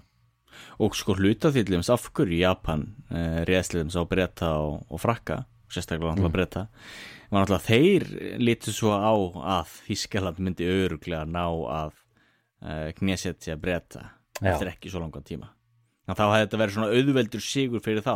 Þá hafa þeir hef, þá hefðu þeir haft nýlendunar þá einfalt fyrir þá getur maður ímyndað sér þá að halda þeim. Já. Og það var náttúrulega svolítið svona þú veist ákveðin tækifærismennska í því líka þú veist að eitthvað er svona, þú veist, ég menna menn fylgjast bara með því sem er að gerist í heimsmálunum. Japanir eru, eru, eru á þessum tímapunkti þar sem þeir eru fastir í Kína bandarækjunum búin að skrúa fyrir hráfnin bara hvað eigum að gera? Mm. og það vil svo til að þú veist, herðu já, hollendingar eru eru hérna hernumdir af þjóðurum, þannig að 40 og frakkar allt í hennu er, voða þægilegt fyrir þá að koma bara inn í Indokína. Þeir náttúrulega, ég held að það hafi ekkert verið einu sinni neitt effort að, að leggja undir sig Indokína. Var það ekki hálf svona svona uh, hálfgert samningsatriði við, við vissi stjórnina það ekki að, Jú, þannig að þeir fengu það jafnvel áður en þeir fóru já, út í sjálft stríðið. Og þannig að þetta er ákveðin svona, þeir hefðu örugglega ekkert farið og ráðast á Indonésiu nema af því að þjóðverjar voru búin að leggja undir sig Holland sem er eitthvað sem að gerðist algjörlega óháð Japanum. Japanir höfðu ekkert með það að gera. Nei, nei, skilur það er algjörlega tvær mismunandi tvö mismunandi stríð. Já, já. Og náttúrulega hluta þessu náttúrulega líka þegar bandaríkinn náttúrulega skrúði fyrir ólíuna þá náttúrulega varð Indonesia og þetta svæði ennþá uh, eða freistaði ennþá meira því þarna náttúrulega gáttu þeir komist í einhver ólíu en ég held já. reyndir að bandamennum hafi tekist mjög vel að eyðileggja þessa ólíubrunna þannig að það var veist eitthvað takmarkað hversu mikið af ólíu uh, Japanin náða að vinna. En samt, það var náttúrulega betur en ekki neitt. En síðan líka áhugart líka þegar maður talar um svona, svona breskan roka. Ég hef líka heyrt það að það hafi verið sko svona ákveðni fordómar að þarna japanskir flugmenn væru svo lélegir. Já, já, því hann að maður þeirra voru alltaf með þá í svona, svona ágrið burðapókum eða hvað maður kallar það utan á, utan á sér þannig að þeir Já. hefðu ekkert hann að jafnvægiskinn já, já, það breyta að þeir fengu heldur betur að kenna á því þegar að Singapur fjall stærsti Já. ósigur í breskri sögu ekki 60.000 mann tekni til fanga einmitt, þetta var stærsti algjör og, katastrófa já, og líka þegar að Philips er fjallu Já. það var nú sjálfur hérna Douglas MacArthur já, já. sem var þar en, hann var nú ekki svo sem gafst upp. Hann, hann var búin að koma sér undan hann fyrst en hann, hann, Hann- fór fyrir því til að byrja með. En, en svo uppgjöf var líka held ég stærsta uppgjöf Já. í sögu bandaríkjana fyrir og síðan já, já. Hann er þetta að hugsaðar hann Douglas MacArthur maður þetta flýja það með skottið með lappana. Eins og Napoleon í, í Egyptalandi. Já. Það var alltaf ótrúlega í raun sko þegar jú, nú erum við búin að vera að gera með lítið úr Japan tala um hvað það var mikið glapræði og allt hannig sem, sem algjörlega það var en, en samt sko það er náttúrulega ótrúlegt hvað Japanin samt tókst á skömmum tíma að leggja sér undir sér mikið landsvæði. Nú taka Filipseyjar, taka heilmikið af eigum hætti í Kirrahafi, þeir ná undir þeir náttúrulega Hong Kong, Indokína, þeir ná Malasju, Indonésiu og meira þess að ráðast inn í Papua Nýjagínu og ógna beinlýnis Ástralju. já, já, algjörlega. Og í Ástralju Og- og- var raunverulega bara hætta og ótti við að Japanir myndu lenda og, já, og já, reyna að leggja undir sig Ástralju. og þetta er náttúrulega þetta þú veist, við tölum um hérna rúsneska-japanska stríðið, skilur það sem að Japanir njóta þess heiðurs að vera svo fyrsta ekki evrópska þjóð sem að sigrar evrópsk stórveldi í stríði. Já, og þarna bara má segja að þeir bara endur taka það. Já og þeir náttúrulega slá út öll nýlutumveldin í Asju á einu bretti eða í Östur-Asju allavega og ógna meir sér Indlandi. Já, já. þetta er í rauninni En síðan er samt það sem er áhvert við, við þetta er ok, jú, þeim tókst þetta leggja allt undir sig. En ef þú horfir nú á venjulegt landakort náttúrulega gefur það augarleið að þetta náttúrulega eru eigjar, það er óhefum mikið hafsvæði þarna á milli. Já, já, þú þarft að sigla með byrðir um allt þetta svæði. Já, já, Japan náttúrulega hafði enga yðnaðarlega getu eða burði til þess að framlega nógu mikið af bæði, ekki nógu mikið þeir gáttu ekki framleitt nógu mikið að búnaði til þess að halda úthöllu sem hér og þeir gáttu ekki heldur framleitt nógu mikið að skipum til þess að sigla með þann búnað sem þurfti Mm. og ennfremur það er líka svona svolítið þessi japanski hróki að það var litið mjög niður á það að skipuleggja mm, skipalestir og að sigla í skipalestum já, já. Þannig að sko það var algjörlega í lamasessi. Þannig að þegar að brettar og bandarækjum en náðu síðan eitthvað vopnum sínum aftur í hendur og ráðast á síðan Japani og sérstaklega nota kafbóta og setja fyrir svo skipalestum að þá söktu þeir mjög fljótt japanska flótan Mm. og þá líka sko þessum hérna flutningaflótan þannig að sko þetta hefur nú verið kallað stæsti vígvöldur sögunar gera við. Já, gríðarlegt uh, landsvæði. Eh, ekki landsvæði, sjá, gríðarlegt sjávarrými. Já. þannig að það til dæmi sko og hoppu núna þarna undir lók að þá voru bandaríkjum búin að sökka japanska flótan og þá Ah. gefur auðvitað leið að þá skipti yngum máli þótt að hafi verið miljón manns undir vopnum í, í kvantungernum eða það var ekki að flytja byrðir frá Japan Mm. til þeirra. Var það er eitt sem er, sem er langar til þess að koma að aðeins bara á öðrum lokum hérna Pearl Harbor og þessu uh, og, og, og, og, umræðanum um öxulveldin og svona því að, að því það hafa nú verið sko þetta er nú kannski þessu official sögurskoðun sem við erum að tala um hérna. Já, en þetta hefur nú verið þetta oft ekki til umræðu og, og hafa nú komið fram ymsar um, kenningar og svona og kannski mjög skáulegar en ég eh, man bara því miður ekki hvað hann hétt sakfræðingurinn sem ég var að sem ég ætlaði að segja frá sem, að, sem að varum að tala um hérna það að þú veist við sko, við vorum að tala um hvað öxulveldin og hvað var lítið samband á milli Japan og þjóðveri og svona. Þessi talar um að sko að veist þetta hafi allt verið planað skilur þetta hafi verið sko veist, og, og líka þess að ég sagði hérna um daginn mástu, það sé sö, sögulegt debatt um það hvort, að hversu miklu, hversu miklu ábyrð Hirohito keisari bar á þessu öllu saman. Já, að það eru til hugmyndir um það að hann sé mastermind sko. Og hann og Hitler hafi verið bara sko plana hérna eitthvað sko. Já, svaka og, og það hafi verið viljandi að halda þessu lindu. Já, viljandi að láta líta út eins og þið séu ekki að tala saman og eitthvað svona. Og þetta eru alveg sagfræðingar sem alveg eru svona military sko hernaða sagfræðingar sem hafa, tal, sem hafa verið með þessu. En, þe en þetta er kannski ekki veist, þetta er ekki svona mainstream sögurskoðun Nei.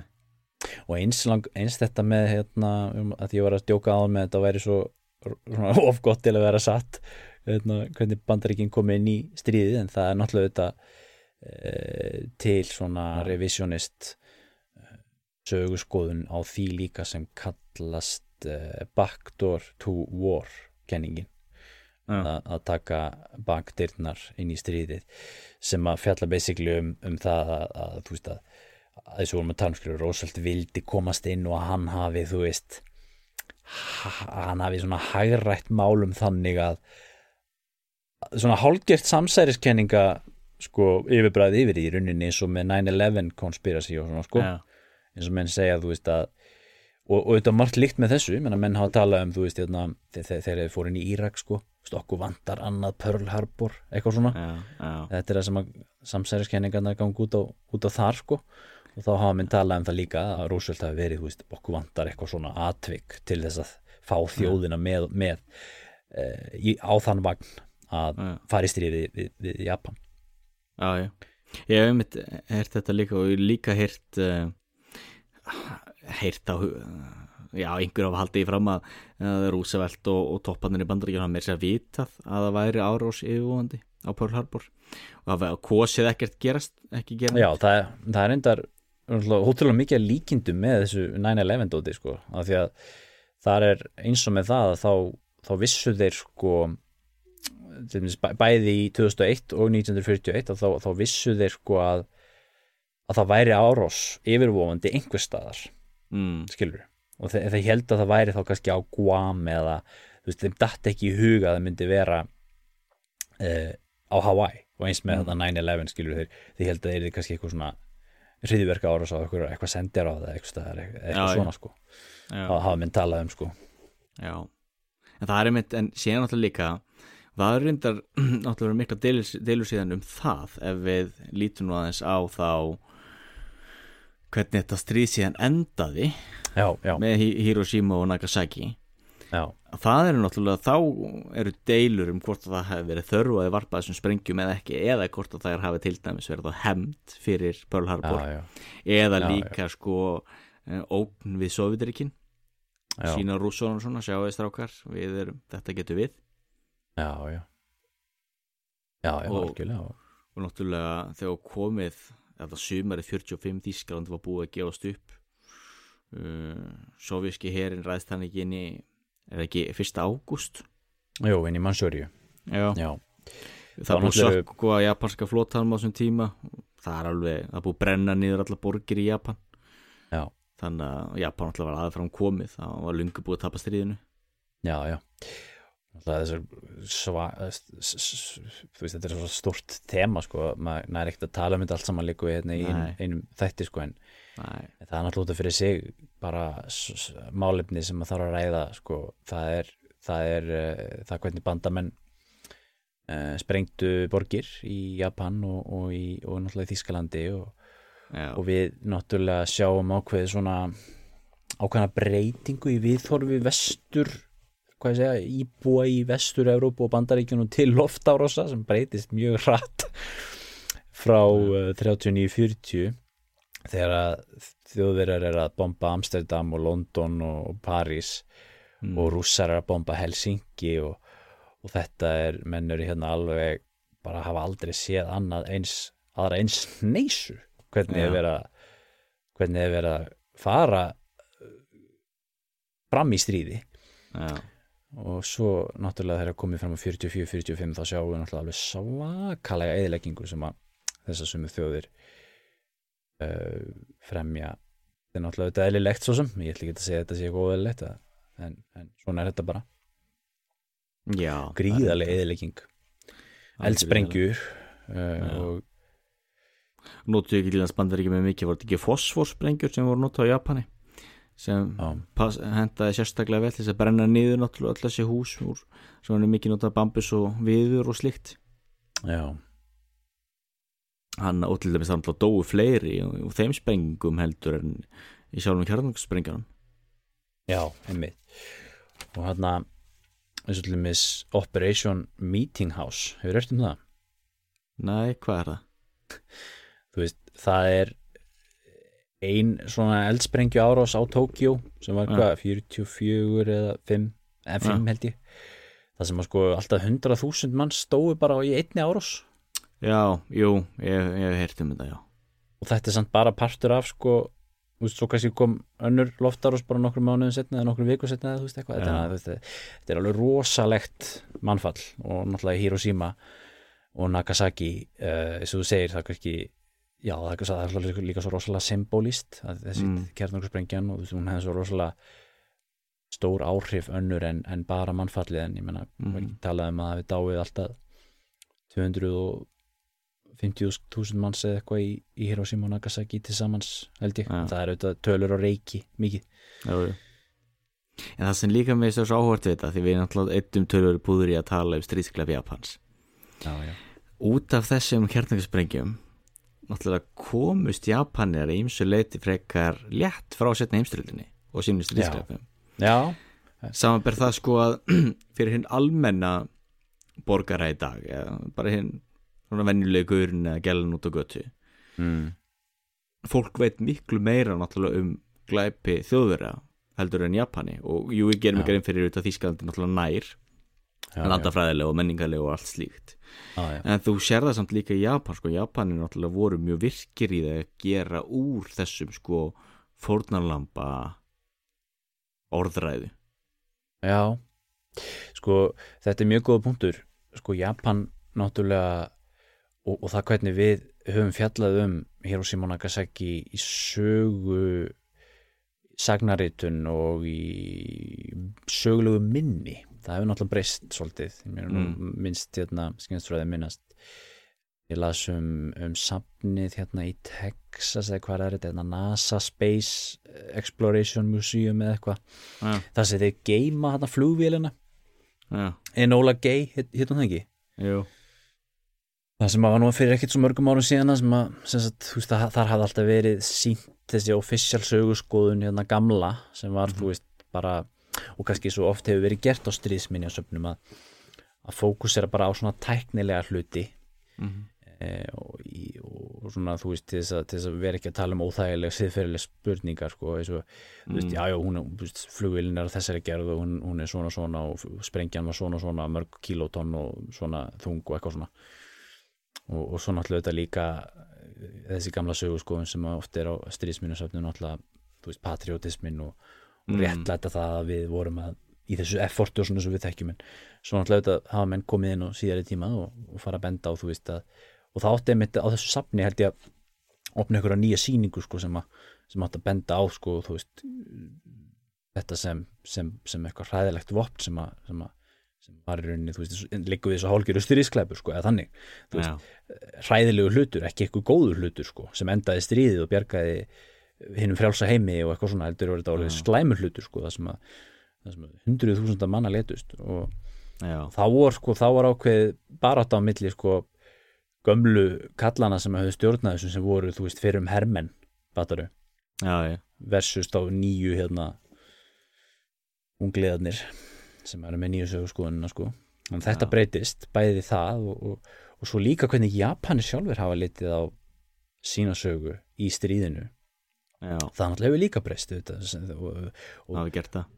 Já, og, það, og hvernig þeir hafa tekist á við sitt tap réttis og þjóðverar en það er samt svolítið öðruvísi hvernig þessar tvær þjóður hafa tekist á við sín fortíðavanda Já, því til dæmis sko, ég tek eftir því að það, það gerist reglulega í fréttum að það byrtist eitthvað verið að tala um skólabækur í Japan, það sem hefur verið að er gera algengt. lítið úr einhverjum uh, hlutastriðsins til Já. dæmis uh, mik mikilvæg stríðsklapur sem við höfum ekki nefnt hinga til þá náttúrulega allar þessar konur sem voru nettar uh, í vændi. Já, konfórskæmin já, þú veist það er náttúrulega, bara kaplu út af fyrir sig. Já, já, og þetta er eitthvað sem. Sem, já, sem Japan hafa einmitt verið að mjög að reyna að þræta fyrir og gera sem minnst úr. Já, já. Þetta sér ekki í Þýskalandi sko. Næ, þjóðverðarnir löðu þessi alveg flata og þetta Já, er að leika mjög djúft í sko þýsku þjóðasálinni já, og það var líka mjög erfitt fyrir þjóðverðar ímsu, leiti því ég til dæmis lesi það að hann náttúrulega eftir að Ísrael var stopnað og náttúrulega eftir, eftir þessi stríð Araba og, og, og Ísraels að þá lendu vist einhverjir þýskir ferðamenn gáttu lendi því að þeim var mætt með Heil Hitler. Þannig að tala um 7. og 7. áratugnum. Það já, var mjög vandræðilegt fyrir þessi greið þá. Já, já. ok. Það var alveg haldið þetta haga. Mein Kampf er tölvört vinsæl sko í miðausturlöndum. Það hefur verið það lengi. Já, já, það er svo sem annar kapl út af fyrir sig já, en þjóður En- alltaf tóku mjög svona tóku algjört, höfðu algjört uppgjör og rættu þetta til hlítar og hafa alltaf verið mjög virkir í að hvað var að segja, jú bara viðkenna sína glæpi og þess vegna hefur náttúrulega þjóður að verið mjög illa við að fara út í eitthvað uh, hernaðabröld, til dæmis bara Júgoslavi í stríðinu, þá voru þjó, þjóður sko, og náttúrulega Júgoslavi náttúrulega bara í bakgarðurum hjá Þískalandi en, Já. Þískaland vildi að í raun og veru alls ekki senda einn herminn þarna. Og passa sig mér rosalega. Einmitt. En Japanir, þeir runni byrja svolítið sína vegferð svipað og, og þjóðverja sko. Þeir og það er náttúrulega sett inn í japansku stjórnarskona eftir stríð, sestu klása sem segir sko, Japanir eru fara ekki í- í árásastrið já, uh, sem er nú sem ég vilja meina þá að það hafi verið stjórnarskrafbrott þegar Japani tóku þótt í sinni í Irak 2003 já, og hérna hafi verið brot á þessari grein. En, um, en já og, og, og þeir byrja svolítið veist með, með svona sama viðhör og þjóðverið voru með sko á fyrstu eftirstríðs árunum þetta sko við erum fórnalamb sko, við erum fórnalamb bara sjá við eðilengninguna hérna og minna eðlilega hvað er eftir að gera ég meina veist bara Mm. það stendur ekki steinni við steini sko bara búið að rústa öllu þú veist og menn eru bara veist er bara þjóðunar eru líkuð bara á miðöldum sko. Já, og, hérna, og þá kemur þessi þessi sögurskoðun um það að landinu hafi verið rænt af fámennum hópi. Og þetta er unni sama og sér í Japan sko alveg svo, í- og, eins og í Þískalandi það sem, að, það sem er þetta, þetta, þetta var þekkt stef þetta með að, Þísku þjóðinni hefði verið rænt af Hitler og Já. hans félögum sko já, og þá unni var, var það sama upp á tenningum í Japan að það var sagt bara þetta voru, veist, þetta voru eh, sko þjóðin og keisarin nota benni já, var hij- hijackaður af lítilli klíku af, af hernaðarhyggjumönnum og, Já. og æstum, æstum herfóringum sérstaklega Tojo og það hýta ekki Tojo sem við nú, núna fyrst hérna á síðustu mínútunni þessum þetta nefnana sem, sem var fórsetstræðar Japans frá 40 ef ekki 40 eða 41 til 45 sem að margir þekkja að því að hann var nú svona allavega í svona vestrænum propaganda spilaður upp sem svona Hitler-fígúran já, í Japan. Því að þeir, þurftu náttúrulega að fá eitthvað andlit til þess að benda á sko. Já, já, hörtu það Þa- þá var það lítið á það, þú veist, hann var einn af, hann er svona mastermind sem að sem að reyndi þjóðinu og svona fór með á þetta stríð svona. en set, þetta breytis og þú veist, þeirra framlega stundir og, og fer, er bara réttið svo annar staðar að, að þú veist, þeirra kemur fram á 7. og 8. áratögin sérstaklega þá, mm. þá fara, komi, fara menn að tala um stríðsklæpina og tala um, þú veist sektina, eins og saman við sjáum í Þískalandi og en svo verist vera svolítið svona bakslag í þessu svolítið og þe- þegar við fyrir að nálgast okkar tíma að, hérna í Japana þá, þá, þá hel- halda áfram þessar eða þá fara að vera svo algengar þessar eins og þessi skólabókardæmi sem þú varst að tala um mm. og, og, og, og, og þetta er þú veist eins og við höfum séð bara í fréttum bara núna nýlega þú veist bara svona síðastlegin ár sko, mann eftir frétt þú veist það sem eru bara mjög oft bara strempið samband sko við aðra þjóðir svona í svona milliríkja uh, leveli til dæmis við Já. Kína út af Já, því já. hvað menn er að skrifa í sögubækurnar sko. Já, það er það. Og til Og dæmis var það ekki. Suðurkóru þar sem þeir hérna reistu stittu til minningar um mikið þessum þessum, þessum konum. Uh, á móti held í japanska sendiræðanu já, ok. Bara á göttunum fyrir framann já, það var mikið, menn deildu mikið um það. Já, já. Og svo er náttúrulega annað þessu sem er, sem er þessi hérna kirkjugarður hérna, hvað heitir hann, eða mi- minnismerkið sem alltaf, kemur alltaf annars lægi í fréttum. Þannig já, það sem að fórstur á þegar hann fer og minnist. Já, sem- já, minnist fallina Hermanna. Já, sem er svona heilagur staður í, í þessum jú. Og, og þannig eru margir strísklappa menn, menn sem hafa voru dæmdir bara í hérna, réttarhöldunum eftir stríð. Já, dæmdir stríðsklappamenn sem eru grafnir hana og en upp þeirra að standa hana og, og svo fer, fer japanski fórsætsræðarinn og setur blómsvega og, já. og það er hérna, mjög er- það er óhugsand að það geti gerst í Þísklandi Nei, nei, algjörlega. Og það er einmitt, ég hef oft hugsað um það. Hvað, er hvað, er- hvað þessi vegferð þessara tveggja ríkja er ólík eftir setna heimstyrjöld já, og já, já, uppgjörið við stríðið. Já, já, já. og svo verður Japan náttúrulega þessu litla sæta Hello Kitty landi. Já, og samt þessum yðnaðar risa og, og Kína og svo hefst öll Kína aftur. Svolítið aðteglast líka. Sko Kína er náttúrulega búið að vera algjört heimsveldi í Asíu. Mm bara ykkur þúsundir ára. Já bara fyrir upphæði bara frá upphafi já. og, og þú talar um það hérna, veist, Japan leit alltaf á Kína sem stóra bróður og, veist, og Japan fylgdi alltaf Kína eftir og, og þú veist, vildi vera svo Kína og læri alltaf Kína og svona. Já, og svo einhvern veginn kemur hann að lítill gluggi í mannkynsugunni hvað er að segja 17, 16, 17, 1800 Mhm. til, þú veist, 1990 eða eitthvað Mhm. þar sem að Kína er sko ákveðum lágpunkti í síni sögu og akkurat á þessum punkt, tímapunkti þá fyrst sjáum við sko vesturveldin eh, niðurlega kínverja á, á 19. öldinni mm. og, og, reyna að leggja, leggja undir sig þeirra ráefni og, og mannauð og, og síðan á 20. öld séru Japan reyna að gera það sama og nefndi á hann hérna Hardcore History podcasti og, aðteklega sögurskoðun þar eða kenning sem að Mm.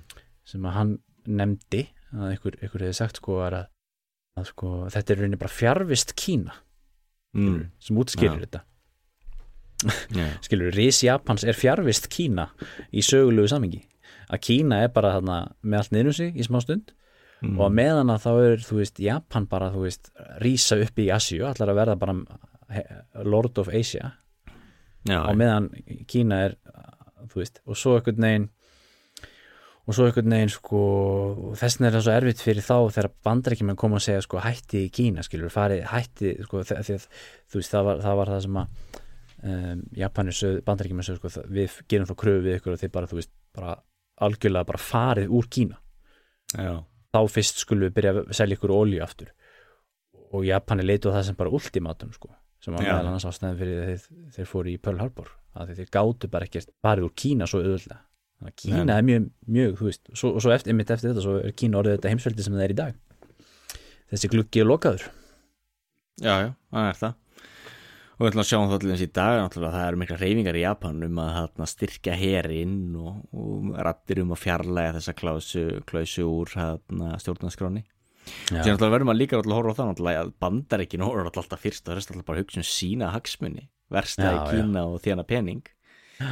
Um, og það er náttúrulega þá hagsmunni sem stöngust á japanska hagsmunni sem vildu líka versta í Kína og þjána Já, einmitt. Og, en það er einmitt mjög áhugavert þetta sem þú talaður um að, að þannig er þessi fjárvera Kína og er svona ákveðin gluggi sem þá síðan Já, lokast. að það er náttúrulega rétt, þú veist, Kína er, er náttúrulega eitt af þessum sko fyrstu svona sjálfstæðu menningarsamfélagum sem risu upp í mangi sögunu, úr með Kína, úr með Indland og ert með Egiptaland og þetta Mesopotamíu. Og, og Kína náttúrulega hefur alltaf verið aðalríkið í Asju og er náttúrulega að mm, aftur að vinna, vinna að því að ná þessari stöðu. Já, En það, og maður má alls ekki hérna vanmeta hvað sagan hefur mikil áhrif því til dæmis uh, stjórnmálumenn í Kína í dag ger alveg grinn fyrir því hvernig, hvað tími þetta var, þetta, nýðulega tímabil og þeir Já. ætla sér ekki að, að, að leifa því að gerast aftur. Og það er ástæðan fyrir því af hverju þeir eru til dæmis að vinna að því núna að þurrka út alla minnlutahópa í Kína. Já, einmitt. Hægt og rúlega, til dæmis núna var, er hægt að kenna uh, kenna mongólsku. Það eru heldur fjóra miljónir mongóla í innri Mongóli Já. og þetta fólk hefur til dæmis þá gengið í skóla þar sem börnið er þá læra á mongólsku en þetta var núna verið að fjarlæga þannig núna er þau bara að læra hankynversku eða það mandarín. Og því það alltaf bara verið að vinna að því að gera já, eina þjóð af hankynverum sem tala þá Já, já. Það er líka þessi, þetta gegn, gegn úgjur fólkinu, ekki, Jú, í, Það er líka Xinjiang? Já, á eins Tíbet til dæmis.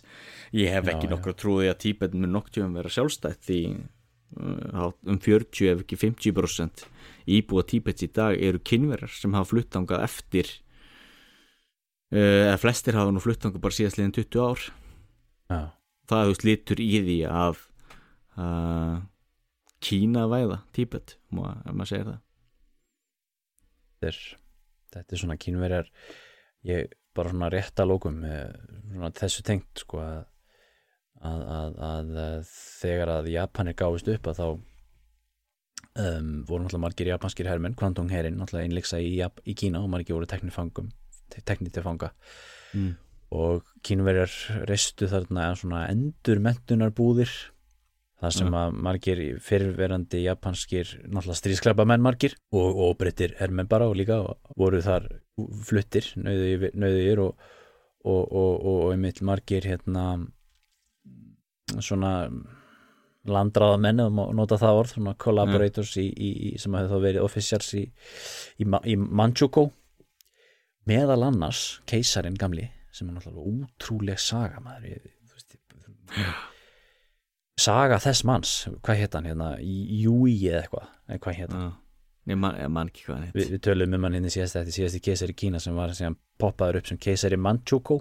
Já, Vistu, hann endar í rauninni sem bara eitthvað svona óbreyttur borgari svona í, í, í, í, í kommunísku Kína sko pældi því. býr er bara í blokk, blokkaríbúið bara að vinna við að sopa götunar Ja. veist, maður sem sko kunni ekki að klæða sig skilur, kunni ekki að busti sér tennunar hann, hann var með þjóna, geldinga þjóna til þess að gera það fyrir sig. Þetta þetta- þetta er ótrúlega sag þegar þú lustuðu til að lesa þetta sko.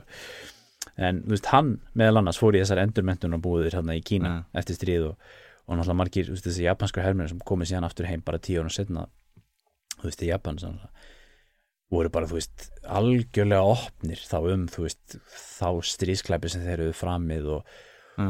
og, og margir náttúrulega sem hafa sagt, þú veist, og þá kannski þá helst svona hægri liðin í Japan sem segja, þú veist, Mm. þetta er bara hérna heila þóttur Já, og hérna og, og, og, og, og, og, og manni finnst það pínu svona spooky þegar maður sé- sér síðan þessar það sem hefur verið kallað heila þóttabúðir í, í Kína í dag hvernig þú fær til dæmis svona eins og, þessa, eins og þennan keisari í Kína til þess að breytast úr einhverjum svona einhverjum svona hálfguð yfir í bara einhvern svona kommuner Þa, það, það lítur að hafa verið einhverju svakalega endurmentun sem hefur farið fram þar. Það verið, það verið það. Pældi, En það er líka áhugavert að þeir skulgi bara hafa látið hann hverfa. Já sko Má vildi það ekki. Hann, hann vildi ekki sko að- hann, hann, hann að læra af sko, sko það var í tengslu við það að Lenin drap drap keisarinn í Rú, Rús, Rúslandi Já, og þá vildi Má sína fram á það að sko kínumensku kommunismi er öðruvísi. Hér Ja. getur við sko gert keisaran að kommunista já, já. Lenin tókst aldrei að gera já, Lenin tókst aldrei að gera Niklós annan að kommunista þannig að hann þurfti bara að drepa hann. Og gerða sér þetta hálfdýrlingi já, hann var, Þeir orðið það þeir sést, Já, þú veist, hvort maður kallaði hálfdýrlingar er allavega Það var aðtöf fyrir ekki mörgum árum síðan Já, ummitt. Já, ég man eftir því. Þau eru öllnir dýlingar. Já, að það er einhvern veginn rúsneska réttrunarkirkjan með eitthvað sérsta system þannig að þau eru ekki fullblown eða dýrlingar, þau eru einhvern veginn svona að, eitthvað svona stig þarna á milli þau eru allan ekki vennilega svo við Nei, en þetta er eh, kannski partur af, af, af því hvernig,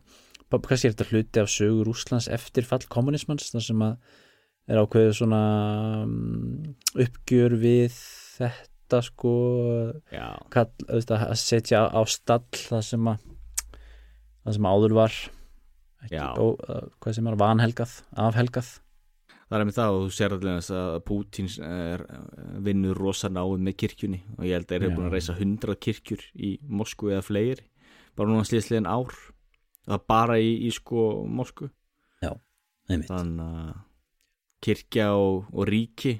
Það, þau ganga saman hönd í hönd í Rúslandi í dag. Já, já. Ég held að við séum, erum við ekki konir bara vel á tíma núna, þetta er orðið hérna svolítið gott hjá okkur í dag? Jú, ég held það. En Jú, hérna við eh, sko hefðum alveg örgulega getað að tala miklu meira um Japan í setni heimstildinu og, og, og örgulega fullt af hlutu sem að sko, veist, það, það er ekkert að gera þessu skil svona einum þætti. Við, við heimsækjum þetta málefn aftur síðar. Já, og ég held að líka við, við tókum hérna trilógíu um, um sögu Japans og, og, og ljúkum henni hér með. Já, við gerum það. Þetta er eitthvað stór, pakki. Ekki, komum hér aftur uh, í næsta þætti á sögurskoðun og tölum um eitthvað allt, allt annað. Já, eitthvað alltaf Já, og þakku fyrir okkur í dag uh, góðu hlustundur og verið sæl. Verið sæl